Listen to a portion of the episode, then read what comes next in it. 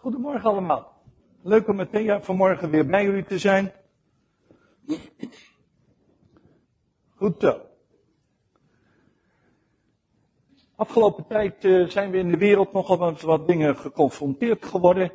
En dat je met elkaar eh, beseft, wat leven we in een onveilige wereld. En daarom wil ik daar vanmorgen wat over zeggen. En de titel van mijn preek is Veilig is hier heilig. En ik ga lezen uit Jezaja 32. Jezaja 32 vanaf vers 1.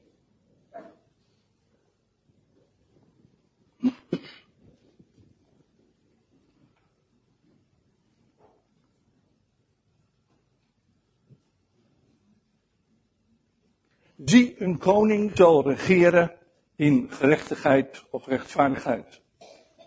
En vorsten zullen heersen naar het recht. En ieder van hen zal zijn als een beschutting tegen de wind. En als een toevlucht tegen de stortbui. Als waterstromen in een dorre streek. Als de schaduw van een machtige rots in een dorstig land. Dan zullen de ogen der zienden niet meer verblind zijn. En de oren der horenden zullen opmerken. Het hart der onbezonnenen zal inzicht en kennis verkrijgen. En de tong der stamelaars zal in staat zijn tot duidelijk spreken. Dan zal een dwaas niet meer edel genoemd worden. En de bedrieger niet meer aanzienlijk heten. Want een dwaas spreekt dwaasheid. En een hart, zijn hart brengt ongerechtigheid voort. Bedrijven van goddeloosheid. En het prediken van afval tegen de Heeren het onverzadigd laten van de hongerige, het onthouden van een dronk aan de dorstige en de listen van de briegen zijn slecht. Hij braamt schandelijke plannen om de ellendige door leugentaal in het verderf te storten. Zelfs wanneer de arme zijn recht bepleit. Maar de edele beraamt edele daden. En hij staat voor wat edel is. Gij zorgeloze vrouwen, staat op. Hoort mijn stem, gij geruste dochters. Neigt uw oor tot mijn woord. Een jaar nog en enkele dagen, dan zult gij sidderen, gij geruste. Want het is gedaan met de wijnoogst. De inzameling van het ooft blijft uit. Beeft zorgeloze, siddert geruste. Even kijken, daar staat er in 14 totdat over ons wordt uitgestort de geest uit de hoge. Dan wordt de woestijn een gaarde en een gaarde gelijkt een woud. Dan woont het recht in de woestijn en de gerechtigheid verblijft in de gaarde. En de vrucht der gerechtigheid zal vrede zijn. De uitwerking der gerechtigheid, rust en veiligheid tot in eeuwigheid. En mijn volk zal in een verblijf des vredes wonen in veilige woningen, in orde van ongestoorde rust, zelfs wanneer het hagelt, zodat het woud ter nederstort en de stad in de diepte neerzinkt. Welzalig gij die aan alle wateren zaait, die rund en ezel vrij raadt ronddolen. Even kijken. Dan hoofdstuk 33. Vanaf vers 16 die zal op hoogte wonen, rotsvestingen zullen zijn brust wezen. Zijn brood is gewis, zijn water verzekerd. Uw ogen zullen de koning in zijn schoonheid aanschouwen. 20. Aanschouw Sion, de stad onze feestelijke bijeenkomsten. Uw ogen zullen Jeruzalem zien als een veilige woonstede. En het laatste vers ook erg mooi. En geen inwoner zal zeggen, ik ben ziek. Het volk dat daar woont zal vergeving van ongerechtigheid hebben. Ja, hij doet het. Ieder mens heeft een diepe behoefte aan veiligheid en geborgenheid. Dat is een van de belangrijkste levensvoorwaarden. En dat geldt voor zowel mannen als voor vrouwen. Nou, de laatste jaren is er in ons land veel over veiligheid gesproken. In de politiek is dat misschien wel een van de belangrijkste onderwerpen. Zeker toen ik in Rotterdam woonde, was dat het onderwerp nummer één. Uh, veiligheid. Maar je ziet het ook op het werk, in het verkeer.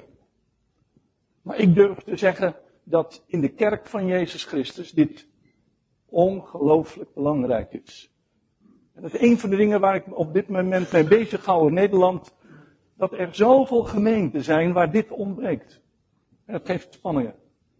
Dat geeft conflicten. Omdat we met elkaar niet begrijpen eigenlijk hoe dat werkt. Wat opvalt is ook dat we nu allemaal pas wakker worden. Dat in onze kringen um, iedereen zomaar met kinderen kan omgaan. Terwijl we niet weten of ze eigenlijk wel met onze kinderen mogen omgaan. Omdat er allerlei problemen in hun innerlijk zijn, waardoor seksueel overschrijdend gedrag ontstaat. Er is ook een instelling die zich ermee bezighoudt en het heet In Veilige Handen. En ik zou het heel normaal vinden dat iedere kinderwerker eigenlijk een bewijs voor goed gedrag moet hebben. Dat moest ik al meer dan 40 jaar geleden toen ik bij het onderwijs kwam. Van origine was het zo, was het Gods bedoeling dat de mens al voor zijn geboorte veiligheid en geborgenheid zou ervaren. Als een vrouw zwanger is, dan draagt ze haar kindje veilig in haar baarmoeder tot het moment dat het klaar is om geboren te worden. En ook daarna, als het kindje voedt, dan ligt het op de arm en dat kind kijkt constant in het gezicht van haar of zijn moeder. En dat geeft veiligheid. Dat geeft geborgenheid.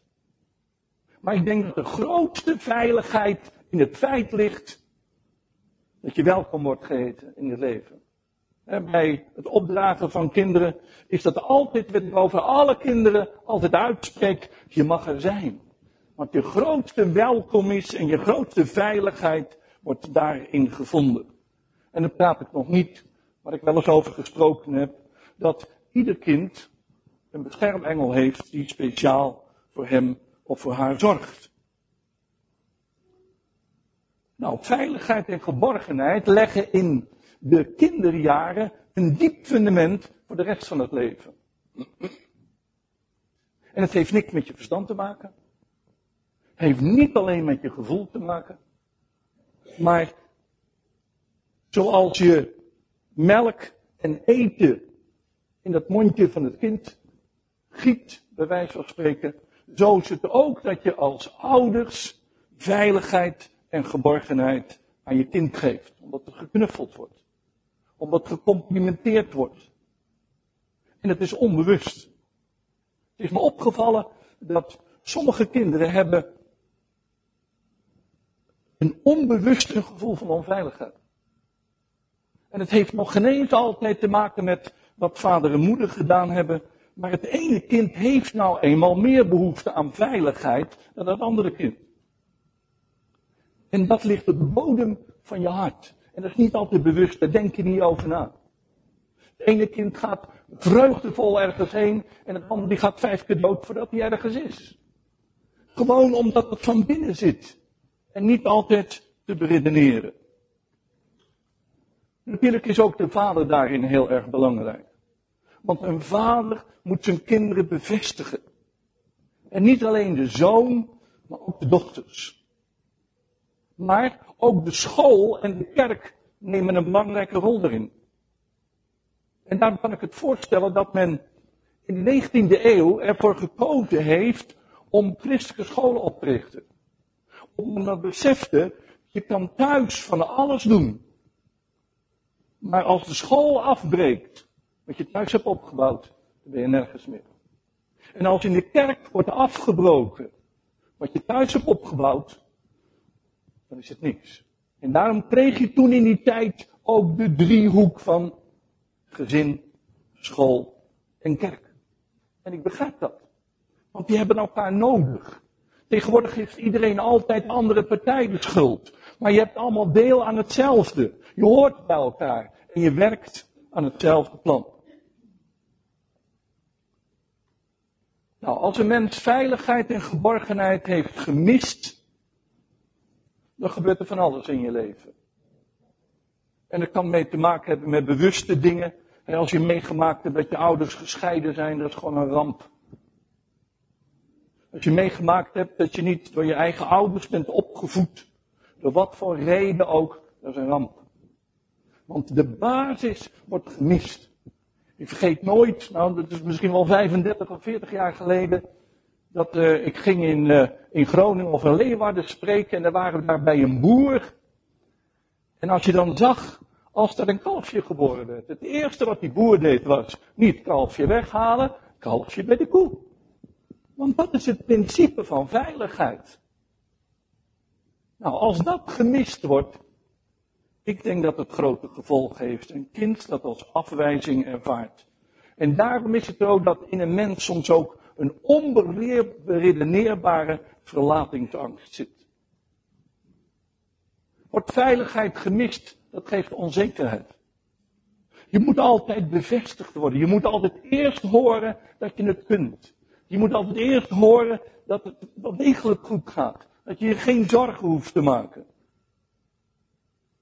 Maar weet je dat het waardeloos is? Onzekerheid heeft bijna altijd controle tot gevolg. Want ik heb in het leven één ding geleerd, dat is vertrouwen en controle staan tegenover elkaar. Is een mens die geen vertrouwen kent, die gaat controleren. En een mens die anderen onder controle houdt en zichzelf, die doet dat omdat hij geen veiligheid kent. En het lijkt de meest geweldige mensen in deze wereld, die iedereen onder de ruim houden. Nou, er bestaan geen onzekere mensen. Gebrek aan zelfvertrouwen. Dat je bang bent om in het leven te staan. Of dat je jezelf altijd met een ander vergelijkt. En in relaties, je durft je niet te geven. Misschien is dat wel een van de grootste problemen van deze tijd. Dat we doen alles snel. Alles fragmentarisch. We kunnen ons nergens meer 100% aan overgeven. Alles of niks. We begrijpen dat niet meer. Want je houdt overal de reserves. Nou, een mens die. gaat nog steeds goed, zie ik. Een mens die veiligheid en geborgenheid gemist heeft, gaat het in andere dingen zoeken. En ik vond in Jezaja 28, vers 15, die gebruikt daar een hele mooie term. Hij zegt, dat zijn leugenschuilplaatsen. Dus iemand die niet weet wat het is om veiligheid te vinden, die gaat het zoeken in allerlei andere dingen. En veel mannen zoeken dat in een werk, in een positie, in geld verdienen, noem maar op. Vrouwen zoeken het vaak weer in andere dingen. In een echtgenoot. Jonge mensen van tegenwoordig virtuele wereld. Het is niet geweldig om in een wereld te leven waar alles kan en alles mag. Waar je alles kan betalen. En waar je alles kan opbouwen. In zo'n wereld, daar ben je iemand. Maar ik denk dat de meeste verslavingen voortkomen uit gebrek aan veiligheid. Want wij denken dat verslavingen het probleem zijn. Nou, bijna altijd zit er een diepere achtergrond. In het tweede gedeelte van wat ik gelezen heb, daar wordt gesproken over zorgeloze vrouwen. Anderen vertalen dat zelfgenoegzaam. Nou, sommige mensen zoeken het in het zelfgenoegzame. Die hebben het in het leven geschoten. Het gaat geweldig. Ze doen net alsof er niks aan de hand is. Zonder God leven, geen gevaar. Een valse gerustheid. Maar ze hebben niet door dat het een ontbreekt aan werkelijke levenswijsheid. Veiligheid is, heb ik gezegd, de basis van je leven. En het is ook naar God toe. En eigenlijk is de bedoeling dat ouders een veiligheid bieden. Ouders kun je zien. En dat de stap naar een God die je niet kunt zien, dat die bijna automatisch is. Dat je weet dat je veilig bent. En dat is voor ons als kinderen van God zo belangrijk dat wij weten onder alle omstandigheden, wat er ook gebeurt, hoe de omstandigheden ook zijn, dat je weet, ik ben veilig. Ik ben geborgen. Je een God die absoluut te vertrouwen is. Heel vaak denken wij dat God een controlerende God is. Die onvoorspelbaar is en angstaanjagend. Maar de Bijbel zegt, God is liefde. Gods hart gaat naar ons als mensen uit. Hij hoeft niet zijn best te doen om lief te hebben. Hij is het gewoon. En God heeft geen macht nodig om al zijn problemen te verdoezelen. God is absoluut te vertrouwen. En als er dingen zijn die wij niet begrijpen, dat klopt. En wij denken dat God het verkeerd doet. Maar God doet het nooit verkeerd. Maar voor ons gevoel is, waar is God? Waarom verandert hij mijn omstandigheden niet? Nou, om het begrip veiligheid wat meer vulling te geven, heb ik er eens over nagedacht. Waar heeft veiligheid allemaal mee te maken? Nou, hier in uh, Jezaja 32 staat met gerechtigheid. Waar gerechtigheid is, daar is veiligheid. Dus om het met een wat woord wat we beter kennen, waar rechtvaardigheid is, daar is veiligheid. Veiligheid kan niet zonder vrijheid. En vrijheid kan niet zonder veiligheid. Veiligheid is onlosmakelijk verbonden met vertrouwen. En vertrouwen met veiligheid. Veiligheid is sterk verweven met verbondenheid. En verbondenheid met veiligheid. En dan nog eentje. Waar veiligheid is, daar is sprake van vrede. Terwijl vrede alles te maken heeft met veiligheid. Nou, eerst maar de eerste. Staat in uh, die een koning zal regeren in gerechtigheid. En ieder van hen zal als een beschutting tegen de wind en als een toevlucht tegen de stortbui zijn. Dus een rechtvaardige koning, daar voelt iedereen zich veilig bij. Want je weet gewoon, als er onrecht gebeurt, hij doet er wat aan. Wat geeft ons een gevoel van onveiligheid? Het is precies hetzelfde. Als iemand leiding moet geven en hij geeft geen leiding. En mijn generatie heeft als reactie op wat dan volgens ons verkeerde manieren van leiding geven waren, vaak veel te weinig leiding gegeven. Maar het geeft veiligheid. Als er gerechtigheid is, als er rechtvaardigheid is. Een regering die rechtvaardig is, daar voel je je veilig bij. Waarom is het zo? Ik vind het zo'n drama wat er gebeurt in de Middellandse Zee. Ongelooflijk. Maar waarom vluchten al die mensen? Nou, omdat ze gewoon niet veilig zijn. Ze zijn echt niet alleen maar op jouw euro's uit hoor. Want ze voelen zich onveilig. En ze zoeken gewoon schuilplaats. Ze zoeken gewoon veiligheid. En daarom ben ik ook zo blij dat God een rechtvaardige God is. Veel mensen zijn bang voor de rechtvaardigheid van God. Nou, ik vind het een feest. Want dat betekent gewoon, God is niet een God die mensen maar laat aanrotzooien. En iemand die verschrikkelijke dingen doet. Je kan niet zomaar aanrotzooien en ten koste van een andere mens leven. Alle onrecht. God zal recht verschaffen. En we kunnen hem echt vertrouwen. Een tweede, veiligheid en vrijheid hebben met elkaar te maken. Daar moeten we even aan wennen. Hoe zit dat nou? Is het zo dat, dat als je vrij bent, dat je dan veilig bent? Dat lijkt het tegengestelde aan elkaar, maar het is wel waar. Want God heeft nooit de intentie gehad om ons te controleren. God heeft nooit de intentie gehad om ons onder de duim te houden. God heeft nooit de bedoeling gehad dat wij aan een touwtje door God bediend worden overal en dat we precies antwoorden op wat hij zegt. Maar God geeft ons vrijheid. Weet je dat de grote veiligheid die er is als je vrij bent? En dat kennen wij niet. En veel geestelijke leiders kennen dat ook niet. En het zit er dik in dat ik dat ook niet altijd in het verleden heb laten zien. Want welk mens durft dat? Maar een mens wordt ouder en leert veel. En ik weet dat ik in commissie gekomen ben in Rotterdam. 1997. Dat ik samen met Cornelis gezegd heb, wij willen de gemeente leiden vanuit vertrouwen. Wij willen niet bang zijn. We willen niet mensen onder controle houden. We willen niet uit angst dat mensen dingen verkeerd doen, maar zeggen nou we schakelen niemand meer in. Want dat zie ik in Nederland ook, een golfbeweging. Van het een naar het andere met ten altijd reacties. Het is onze eigen um, verwonde ziel die altijd reageert op allerlei dingen. Maar we komen precies het tegenovergestelde terecht. Want, weet je, God geeft ons een vrije wil.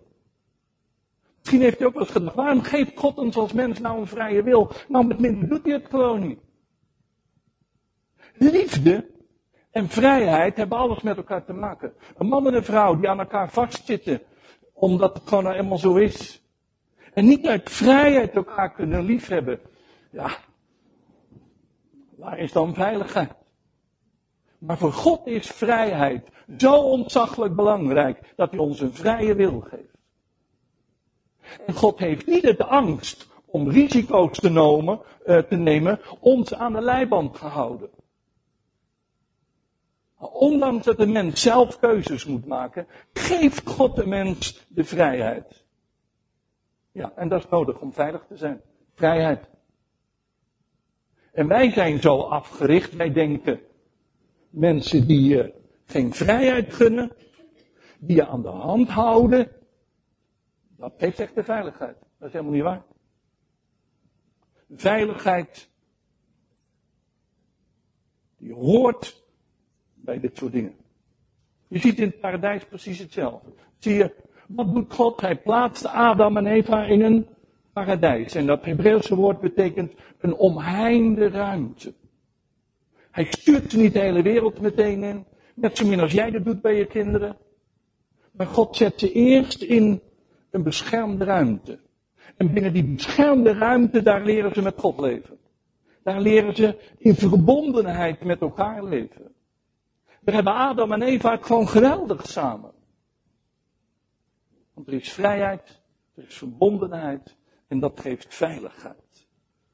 En het is niet omdat het moet, maar gewoon omdat ze daar vanuit Gods principes leven.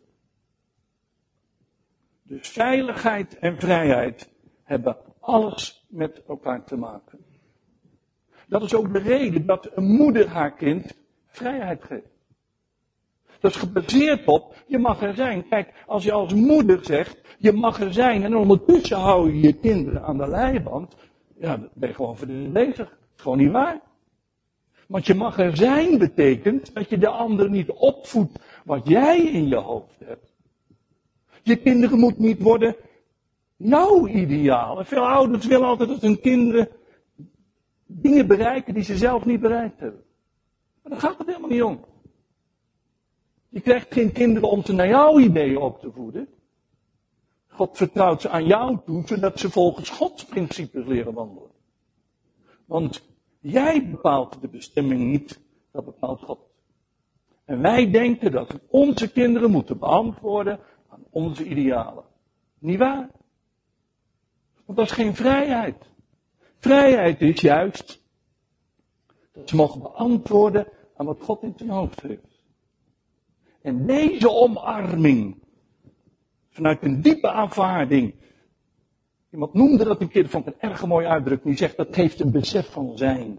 Een besef van veiligheid. En niet met je kop. Dat heeft niet alleen met een gevoel te maken. Maar dat is de basis van je leven. Dat zorgt ervoor dat je dingen aandurft in het leven. Wat me opvalt is ook dat God de mens vertrouwen geeft. God zegt niet tegen ons, jongens, ik ben God, jullie moeten allemaal naar me luisteren. Nee.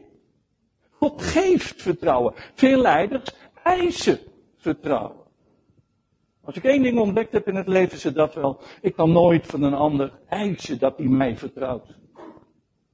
Ik kan alleen zelf beginnen door vertrouwen te geven. Dat is het enige wat ik kan. Want zo doet God er ook. God vertrouwt de aarde aan de mens toe. Wat een verantwoording. En God geniet ervan om ons in te schakelen. En dat is in iedere gemeente zo belangrijk. Veiligheid in een gemeente krijg je niet door strakke regels. Door alles in te kabelen. En ik zie dat vaak in gemeenten waar problemen geweest zijn. Dat dat er altijd, is bij jullie natuurlijk niet, maar ik zie dat nog wel eens een keer, dat een nieuwe leiding alles in gaat kaderen. Alles op papier, alles regelen, allemaal binnen het werken. Ja jongens, maar dat werkt zo niet. Want het is door vertrouwen te geven. Ieder mens wil vertrouwen. En dat vind ik ergens wel mooi, dat in het leiderschap van vandaag, ook in de wereld, dat ik dat meer zie. Dat verstandige directeuren dit snappen. Een verstandige directeur hoeft niet alles te weten van zijn medewerkers. Die hoeft niet te weten wat er geïnvesteerd wordt. ik hoor soms van jonge mensen ook, die hebben de beschikking over miljoenen. Er wordt niet constant gekeken van doe je het wel goed en besteed je het wel goed. Er wordt vertrouwen gegeven. Jongens, en als je vertrouwen krijgt, wat een ruimte. Wat geweldig.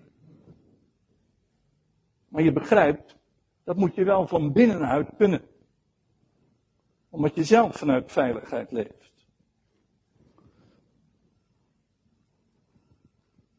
Wat belangrijk is, veiligheid en verbondenheid. Want verbondenheid, als wij met God verbonden zijn, wat een veiligheid. Als je als man en vrouw met elkaar verbondenheid bent, wat een veiligheid. Als je als gezin met elkaar verbonden bent, wat een veiligheid. Weet je dat ik het altijd zo'n ongelooflijk voorrecht vind. Dat in moeilijke momenten van ons leven, dat het gezin een veiligheid gaf. De moeilijkste momenten in ons gezin, dat dat verbond, door de verbondenheid die je met elkaar had, dat je er was. En ik weet er dan van twee jaar geleden niks van, maar Thea heeft dat ook opnieuw ervaren. Wat is het geweldig verbondenheid. Dat geeft veiligheid. Daar kun je veel aan. Want de ander is geen bedreiging voor je. De ander geeft nou precies wat we nodig hebben. We hebben gelezen in uh, Jesaja 32, vers 17 dat de vrucht der gerechtigheid zal vrede zijn. De uitwerking rust en veiligheid. Maar de uitwerking van ongerechtigheid is angst, schaamte, schuld, onzekerheid, wantrouwen, noem maar op. En je probeert je veilig te voelen terwijl je niet veilig bent. En je probeert je bij de verkeerde dingen je veiligheid te zoeken terwijl het geen veiligheid is. En dat zie je meteen bij Adam en Eva. Er gebeurt wat in het paradijs. En God vraagt notabene aan Eva, hoe hebben we dat gedaan? Huh? Huh? Ja, dat is nou precies niet veilig. En dat doen veel mensen. En veel gemeenten doen dat ook. Als er spanning ontstaat, oh jongens, ellende van jaren gaan ze erbij halen. Nou, dan voel je je veilig bij. Dat is angst. En niet veiligheid. Alleen Adam en Eva, als ze elkaar het hart nodig hebben, jij dit, jij dat. Onthoud dat maar eens echtpaar. Als je elkaar het hart nodig hebt, moet je elkaar niet gaan beschuldigen. Moet je elkaar niet allerlei dingen vinden dat je dat moet zeggen op dat moment tegen de ander. Op dat moment heb je elkaar nodig. En je ziet dat bij de kinderen van Adam en Eva precies hetzelfde. En dan kom je tot een belangrijk principe. Verwonde mensen verwonden andere mensen. Weet je dat ik daar veel van geleerd heb? Toen ik dat ging ontdekken. Als ik zelf verwond ben, en ik kan me nog zo zielig vinden, en ik kan mezelf nog zo liefdevol vinden, maar een mens die zelf verwond is, is niet altijd liefdevol. En die denkt niet altijd onbaatzuchtig. Die denkt vanuit zichzelf. Maar een mens die verwond is en niet genezen is, per definitie verwondt die andere mens.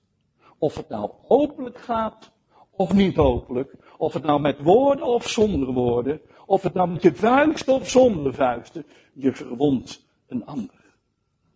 Dat zie ik ook vaak als wij niet genezen zijn. En er ontstaan conflicten in een kerk. Als kerk bestaan we hier natuurlijk al heel veel jaren.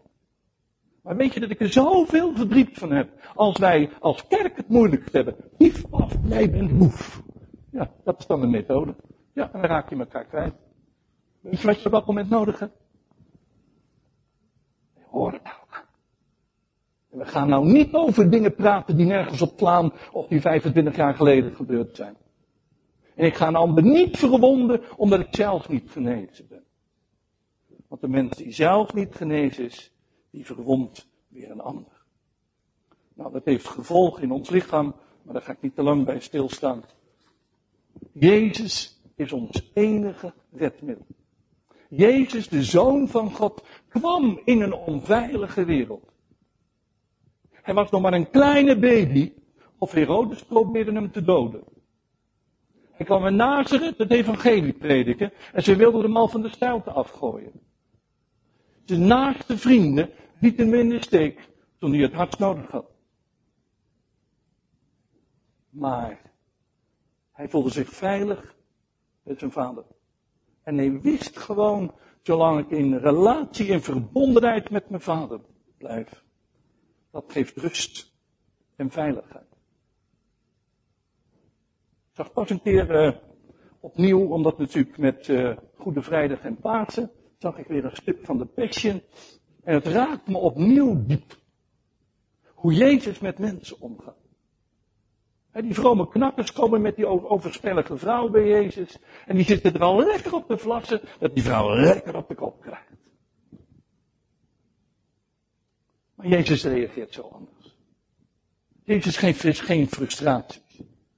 Jezus gaat niet dingen doen waar mensen van denken. Zo hoort dat. Zo hoort het helemaal niet. Hij beschuldigt haar niet. Maar hij vergeeft. Hij steekt haar vrij. En al die vrome broeders, die, die druipen allemaal langzaam maar zeker druipen ze allemaal af. Jezus was de grote genadeschenker. En het geweldige is dat Jezus Christus onze Heer is, die niet beschuldigt. Want als een mens het moeilijk heeft, zit hij niet te wachten op beschuldiging. Maar zit hij te wachten op veiligheid. Ik zie dat Jezus precies hetzelfde. Jezus droeg jouw onveiligheid. Weet je dat ik per jaar gewoon nog meer de waarde van het kruis ga zien? Want aan het kruis vond een rouw plaats. Maar weet je wat Jezus op zich nam? Mijn onveiligheid. Dus als jij bij jezelf tot ontdekking bent gekomen, ja, eigenlijk voel me zo onveilig. En ik ben altijd maar proberen dat mijn man de veiligheid moet bieden die ik gemist heb. Of andersom. Maar weet je, Jezus heeft al jouw onveiligheid gedragen. Jezus heeft op zich genomen wat jou ontbeerd heeft. Wat jij niet gehad hebt. En dat moet je niet van een ander blijven eisen. Maar Jezus zegt met beide handen uitgespreid. Geef het aan mij. Vind dat het zo opvallend. Jezus is niet is gekruisigd. Maar hij ging met zijn handen wijd aan. Open. En hij nodigt ons uit om met alle moeilijke dingen van ons leven niet elkaar te blijven verwijten, maar het aan Hem te geven. Want Hij droeg al mijn onveiligheid. En ik krijg daarvoor terug de veiligheid die Jezus ervaarde in relatie met zijn vader. Nou, en nou ga je begrijpen waarom Colossense 3 zegt dat wij met Christus verborgen zijn in God. Weet je, als ik met Jezus verbonden ben door de geweldige genade van God. Niet omdat ik zo goed ben, niet omdat ik zo'n beste ben, maar omdat ik Jezus aanvaard heb als mijn verlosser. Als mijn hoge priester. Als mijn koning. Als mijn genezer. Noem maar op allemaal. Weet je wat er gebeurt? Ik kom binnen de sfeer van zijn veiligheid. En zijn veiligheid wordt mijn veiligheid. En in, met Christus verborgen word ik in God. Wat een evangelie. Dat is geen evangelie van beschuldigen. Dat is geen evangelie van kijken wie de, het fout gedaan heeft. Maar dat is bieden wat de mens in de diepste zijn nodig heeft. En God doet dat bij ons. Is dat niet geweldig? Zo'n God kun je vertrouwen. En daar heeft de Heilige Geest ook alles mee te maken. Want er staat in vers 15, totdat over ons uitgestort wordt de geest uit de hoge. Ik moet niet in mijn verleden blijven leven. Ik moet niet bezig blijven wat een ander allemaal fout gedaan heeft. Maar ik zet mijn hart open. Ik zeg, Heer, stort uw geest uit hoge in mijn hart. Want daar komen de zegeningen van de hemel als een douche over je leven. En dat wordt werkelijkheid wat 2 Korinthe 3 zegt. Vergeet nooit dat ik hier ergens in de samenkomst was. En die zangleider begon met een lied over. Waar de geest is vrij. Ah. Ik snapte er geen klap van. Ga je daar nou een samenkomst mee beginnen? Wat bedoel je ermee? Wat heb je er over? Maar ik begrijp het nou wel. Want als Nederlanders hebben wij een verkeerd idee over vrijheid. Wij denken dat vrijheid is je eigen gang gaan. Maar waar de Heilige Geest is, daar komt de vrijheid waarin jouw mens zijn tot ontwikkeling gaat komen. Waar de wil van God openbaar gaat komen. En dat is waarom wij als christengemeente er altijd voor gekozen hebben. De vervulling met de Heilige Geest en de doop in de Heilige Geest is niet een soort bijoogmerk. Is niet een leerstelling waar we over één keer in 25 jaar een keer over praten. Maar dat is een van de fundamenten van deze gemeente. Waar de geest des Heren komt, daar komt vrijheid. Want die maakt mij los van al mijn frustraties. En die plaatst mij in de omgeving van God. Wat een vrijheid. En dan zien we dat mensen die in de wereld afgewezen zijn, hier niet afgewezen worden. En dat mensen die nauwelijks uit hun woorden komen, dat die leren bidden. En dat mensen die helemaal niet in aanmerking hadden gekomen om te profiteren, dat zij profiteren en nog raken. Want ook in de gemeente geldt. Safety first. Dat is het eerste wat in deze gemeente moet gelden. Je wordt hier niet beoordeeld. Er wordt niet meteen alles van je verwacht. Je wordt niet overladen met regels wat je allemaal wel, wel en niet mag. Je wordt hier in de vrijheid geplaatst. Voor ruimte en ontspanning. En je komt niet van de ene gevangenis in de andere. En wat is de bedoeling van leiders? Die leven dit voor. Gaat niet wat ik zeg, maar wat je voorleest. En veel leiders stralen bezorgdheid en krampachtigheid uit. Ze zijn gespannen over alles wat gaat. En we proberen het allemaal in te perken met allerlei manieren. Maar een leider is geen controlfreak. Maar een leider is die mensen in de ruimte wil zetten die ander tot vrijheid wil brengen. Want genade zet ons in de vrijheid. Een wettisch leven geeft schijnveiligheid. Nou, en dat is de bedoeling van leiderschap.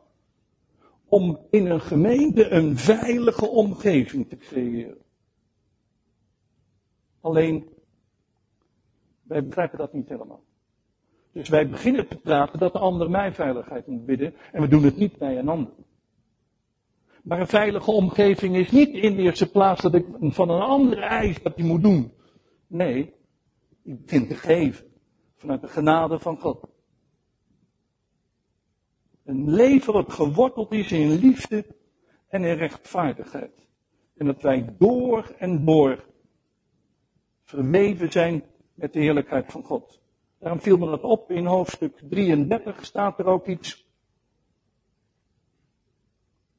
Even kijken. Vers 15. Worden allerlei dingen genoemd. Hij die in gerechtigheid wandelt en oprecht spreekt. Dus een leider moet zelf in gerechtigheid wandelen en in oprechtheid de waarheid spreken. Of dat nou leuk gevonden wordt of niet.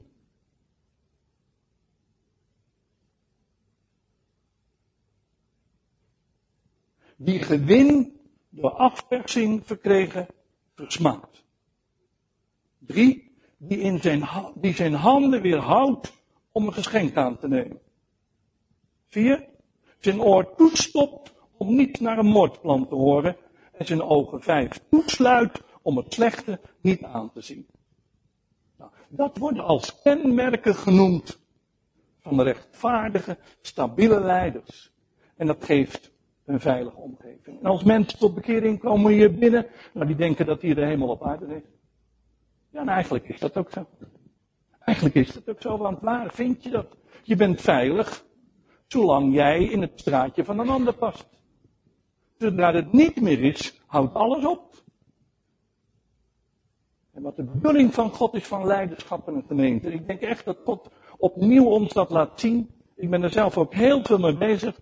Leiderschap is niet een positie, maar heeft te maken met wie je als mens bent en met de zalving van God op je leven. Ik heb een bepaald titeltje van voorganger, heb ik niet meer, maar ik ben geen, geen draad veranderd. Maar wie ik als mens ben, dat blijft ontwikkelen tot een alle eeuwigheid. En de zalving die God op mijn leven gelegd heeft, onafhankelijk van titels, blijft gewoon. En ik denk dat God dingen toelaat op dit moment in ons land, omdat we loskomen van de etiketjes. En dat we mannen en vrouwen zijn die stabiel zijn. Die door en door te vertrouwen zijn, omdat we veranderen door de genade van God. Daarom, wat is het? Wantrouwen of vertrouwen? Als wij lijden vanuit wantrouwen, scheppen wij een klimaat wat een ander ook zo doet. En het gaat onbewust. En het brengt conflicten met zich mee. En eigenlijk is dat logisch, want we zitten allemaal in hetzelfde leerproces. Ik kan wel denken dat ik beter dan een ander ben, maar we zitten allemaal in hetzelfde leerproces. En God zegt, zo heb ik het nou juist bedoeld. Niemand hoeft praatjes te hebben over een ander. Niemand hoeft te denken dat hij beter en heiliger en weet ik wat allemaal is. Daar heeft gewoon niks mee te maken. Het is allemaal genade van God. Daar kan je alleen maar voor buigen. Weet je, het gaat er ook voor zorgen dat een leiderschap in een gemeente niet zo moeilijk is. Weet je dat Nederland even de moeilijkste land is wat leiderschap betreft? Vandaag en dag zie ik het opnieuw in heel veel gemeenten. komen nieuwe voorgangers. Wat een spanningen. Ze moeten zich eerst weer waarmaken. Begint weer van alles, allerlei dingen. En dan denk oh jongens. Dit is nooit wat God bedoeld heeft. Laten we met elkaar daarin de weg van God zoeken. Of mij zei ik al, wat in uh, vers 24 staat. Geen inwoner zal zeggen, ik ben ziek. Het volk dat daar woont zal vergeving van ongerechtigheid. Is dat niet mooi? De bedoeling is dat wij gezonde mensen zijn. En dat is het ideaal van God. Wij zeggen niet, ja, we zijn nog eenmaal mens. Ja, dat zeg je over 35 jaar nog. Maar weet je wat de bedoeling van God is? Omdat er vergeving van ongerechtigheid is. Ja, dan word je niet ziek. Want je wordt niet beschuldigd. Je wordt niet aangezien op dingen van 35 jaar geleden. Maar er is ruimte. Is vergeving. Er is genade. En vergeving maakt gezond. Weet je, heel veel bittere mensen, wat doen die als er in een gemeente wat gebeurt? Ze komen niet meer naar de samenkomst en ze gaan naar een andere gemeente. En ze denken dat je bitterheid kwijtraakt door in een andere gemeente te gaan zitten. Dat raak je niet kwijt door een andere kerk te gaan zitten. Vroeg of laat steekt het de kop op. Je kunt van hulp naar herpingen vliegen, maar je geneest er niet door. De enige genezing is vergeving. Vergeving maakt de mens gezond. Van binnen en van buiten. En dat is een uitdrukking, die heb ik niet van mezelf. Het heeft me ongelooflijk geraakt. Er is een gemeente in Californië die heet net als jullie. Bethel. Bill Johnson is daar de voorganger. En zij hebben als ideaal een cultuur van eer. En toen ik deze uitdrukking hoorde, dat sloeg bij mij in een mond.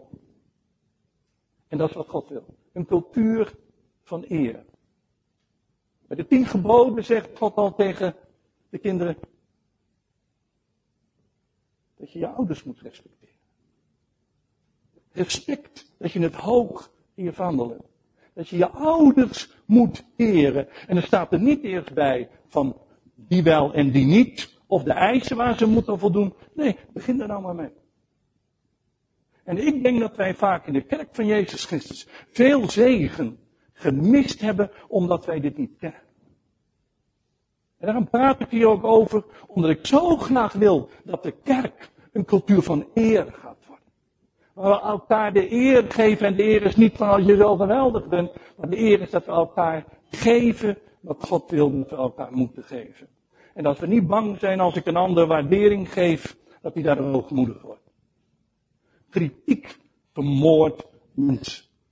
Maar genade is de basis van een cultuur van eer. Laten wij daarom leren om elkaar te eren. jullie hebben een nieuwe oudstraat. Is niet van trouw het naar je oudstraat. Want dan ben je zelf ziek. Ligt dit in je oudstraat? Dat ligt in jou. Maar geef te vertrouwen. Bid voor ze. Zeg je, oh, zie je wel, ik kan wel zien dat er jonge mensen zijn. Nee, ik ben oude zagrijn. Waarom zeg je dat? Je bent zelf niet genezen. Moet je niet op de jonge mensen leggen. Veel ouderen leggen gewoon hun eigen frustratie op de jonge generatie. En dan zeggen ze dat de jonge generatie nog zoveel moet leren. Nee, jij moet nog veel leren, ondanks dat je oud bent. Moet eerlijk zijn. Eer. Die mij eren, die zal ik eren. En daar word je echt niet minder van. En ik doe dat precies hetzelfde in de situatie waar ik in ben. Ik wil altijd mensen die boven mij staan. Ik wil altijd mensen waar ik verantwoording aan afleg. En die ik eer en waar ik respect voor heb. En als de stem van God in mijn leven wat ik nodig heb. Nou. Bethel bestaat al heel veel jaren. Even kijken. 52 jaar. Maar waar ik heel erg naar verlang is dat dit een veilige kerk is. Mensen, er is veel gebeurd in deze kerk. In al die 52 jaar. Maar leren wij onze lessen ervan? Of als er weer een keer iemand in zijn hersen staat om gekke dingen te doen, dat we meteen de hele boel weer op de kop staan. Of zeggen we, nee, we hebben onze lessen geleerd. Een cultuur van eer. Wij maaien elkaar niet weg. Wij slachten elkaar niet. Maar wij respecteren elkaar. En wij eren elkaar. En God zal het zegenen. En wat ik heel erg naar verlang is dat dit de waarheid wordt. Bethel. Een veilige kerk. Weet je dat ik gerust ben als dat zo is? Ik zat aan te denken, nou volgens mij teken ik al 42, even kijken, 73, ja, 42 jaar. Dus dat is ongelooflijk lang. Weet je wanneer ik rustig dood kan gaan? Als het al een veilige kerk is. Ja, dat meen ik, hè? Ik heb ongelooflijk veel verdriet van als ik die dingen hoor. Ik kan zeggen, joh, je bent al zo lang weg. Ja, dat klopt. Maar jullie hebben gewoon een stukje van mijn hart. En ik kan gewoon niet tegen. Maar dat is niet alleen hier, dat is gewoon overal. Maar dit is de tijd dat God gaan dingen gaat herstellen. Van binnenuit.